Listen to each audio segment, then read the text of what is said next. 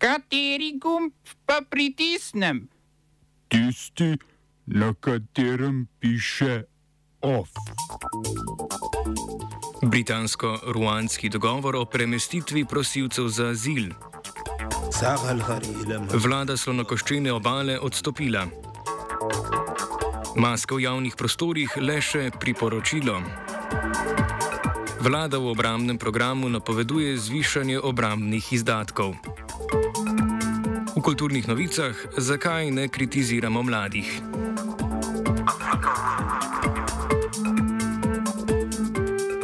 Združeno kraljestvo je doseglo dogovor z Ruando, da bo del prosilcev za azil poslalo v to vzhodnoafriško državo, kjer naj bi počakali do razrešitve svojih prošenj. Ruanda bo v zameno prejela 145 milijonov evrov. Vlada Borisa Johnsona je dogovor označila kot partnerstvo za gospodarski razvoj, opozicija pa kot neizvedljiv in nehuman. Očitki so usmerjeni predvsem v zgodovino kršitev človekovih pravic ruanske vlade. Je pa Ruanda že sedaj dom okoli 130 tisoč beguncev iz sosednjih Burundija in Demokratične republike Kongo. Britanska vlada naj bi želela s tem dogovorom zamejiti tihotapce z ljudmi. Lani je v državo čez Rokavski preliv s čovni priplulo več kot 28 tisoč ljudi. Po poročanju nekaterih britanskih medijev bodo v Ruando poslali predvsem samske moške. Opozicija vlad, vladi očita tudi preusmerjanje pozornosti z afere Partygate, ki je po oglobljenju Johnsona ponovno v fokusu javnosti. Laboristična poslanka Lucy Powell je prepričana, da gre bolj kot za majhne ladje, ki prihajajo čez Rokavski preliv, za potapljajočo se ladjo predsednika vlade.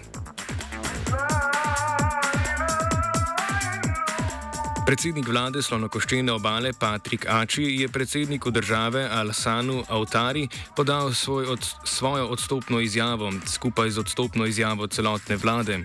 Predsednik države je odstop sprejel in napovedal, da bo z imenovanjem novih ministrov začel prihodnji teden. Napovedal je tudi zmanjšanje števila vladnih ministrov z trenutnih 41 na 30. Po njegovih besedah bosta cilja prihodnje vlade zmanjšati javno porabo in ponovno osredotočenje na socialno in varnostno odpornost. Ači, ki je položaj zasedal dobro leto, je bil že tretji premijer slonokoščene obale v zadnjih treh letih.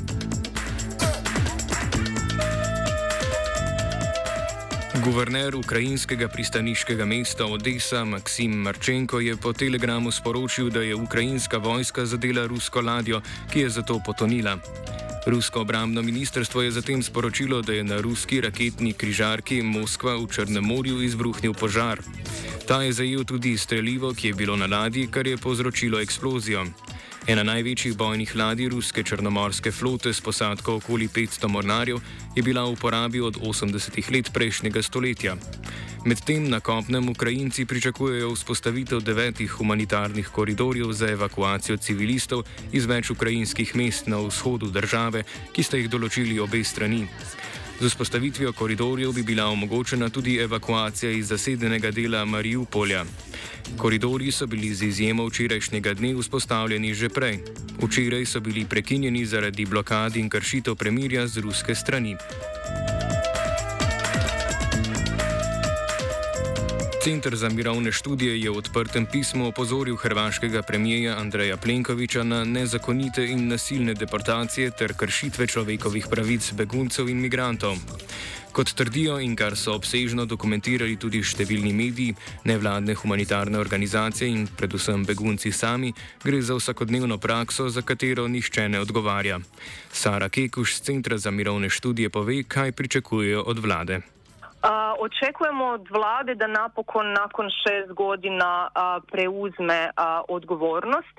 Dakle, prije svega očekujemo da premijer smijeni ministra unutarnjih poslova Davora Božinovića i isto tako ravnatelja policije Nikolu Milinu te njegovog pomoćnika Zorana Ničena, ali isto tako i državnu tajnicu Gras koja je sve ove godine bila uključena u pritiske na branitelje ljudskih prava i blokiranje neovisnih istraga. Kekuš pove tudi, s čim konkretno utemeljujejo svoje pismo Plenkoviću. Dakle, osim navedenog slučaja obitelji Husini u kojem je dakle dokazano da je Hrvatska povrijedila Madinino pravo na život time što ovoga nije provela učinkovitu istragu gdje je utvrđeno također da je nečovječno postupala prema djeci držeći ih u detenciji, čitavu obitelj lišila slobode, protjerala dio obitelji iz Hrvatske nezakonito, dakle kolektivno i isto tako onemogućavala pristup odvjetnici te pritiscima na odvjetnicu i organizacije uključene u slučaj zapravo pokušavala onemogućiti da obitelj potraži pravdu pred Europskim sudom za ljudska prava. To je samo jedan slučaj. Podarili so tudi, da je Nizozemska ustavila vračanje beguncev na Hrvaško po dublinski uredbi zaradi nezakonitih in nasilnih vračanj. Prav tako pa so nezakonita vračanja beguncev iz Slovenije na Hrvaško, kar je veliko krat dokumentirana praksa slovenske policije. Oba, če, če bom odgovoril na angliški. Slovenija bo poskušala pomagati. Slovenija bo naredila naš utmost, da bo rekla, da je situacija naš problem, sami. In mi bomo naredili nadaljnje korake, as soon as the conditions are. Bomo vlado Marjana Cererera Šarca podprli. Zelo, zelo resno. Slovenija. Vemo, kako in bomo. Vlada je odločila, da nošnja mask v večini zaprtih prostorov od danes ni več obvezna. Do včerajšnji ukrep sicer še vedno ostaja priporočilo, priporočena je tudi uporaba mask v javnih prostorih, ko ni mogoče zagotoviti več kot meter in pol medosebne razdalje. Maske pa ostajajo obvezne v ustanovah z večjo koncentracijo ljudi, ki jim okužba predstavlja večje zdravstveno tveganje. To so zdravstvene ustanove, domovi starejših občanov in socialno-varstveni zavodi. Sprememba vladnih epidemioloških ukrepov sledi priporočilu strokovne skupine pod vodstvom Mateje Logar, da se lahko ukrep opusti, ko je število bolnikov na intenzivnih oddelkih zaradi COVID-19 en teden manjše od 35. Na ključe je odločilo, da je bila ta pred enim tednom določena meja dosežena deset dni pred volitvami. Na isti seji je vlada sprejela tudi srednjeročni obrambni program Republike Slovenije za obdobje 2022-2026 in poročilo o izvajanju investicij v slovenski vojski za lansko leto. Program predvideva poprečno letno povečanje obrambnih izdatkov za približno 72 milijonov evrov do konca programskega obdobja, skupno do 983 milijonov evrov. Tako bi izdatki leta 2026 dosegli 1,53 odstotka bruto domačega proizvoda. V poročilu pa so zapisali, da so v lanskem letu realizirali projekte v skupni vrednosti skoraj 75 milijonov evrov. Večino teh sredstev predstavljajo nakupi lahkih oklepnikov in taktičnega transportnega letala. Moskva. Predsednik državne volilne komisije Peter Golob in njen direktor Dušan Vučko sta na tiskovni konferenci sporočila, da so bojazni glede zamujanja glasovnic, ki so bile poslane po pošti v tujino, upravičene.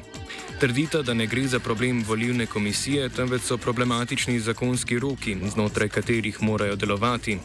Povedala sta tudi, da bo državna volilna komisija po volitvah predlagala zakonske spremembe. Izseljenci imajo po njunih besedah namreč šest odstotno možnost, da se njihova glasovnica pravočasno vrne v Slovenijo. Del krivde za zamude pa naj bi bili tudi prihajajoči prazniki. Odzvala sta se tudi na problematiziranje zdravniških potrdil strani zdravniške zbornice. To je golo označil za nepotrebno in dejal, da želijo s potrdili preprečiti, da bi se za glasovanje na domu prijavili popolnoma zdravi voljivci, ki se jim ne da priti na volišče. Zatrdila sta še, da potekajo resni pogovori z zunanjim ministrstvom in pošto Slovenije, da bi lahko na volitvah sodelovali tudi državljani, ki živijo v Rusiji. OF je pripravil Blaž.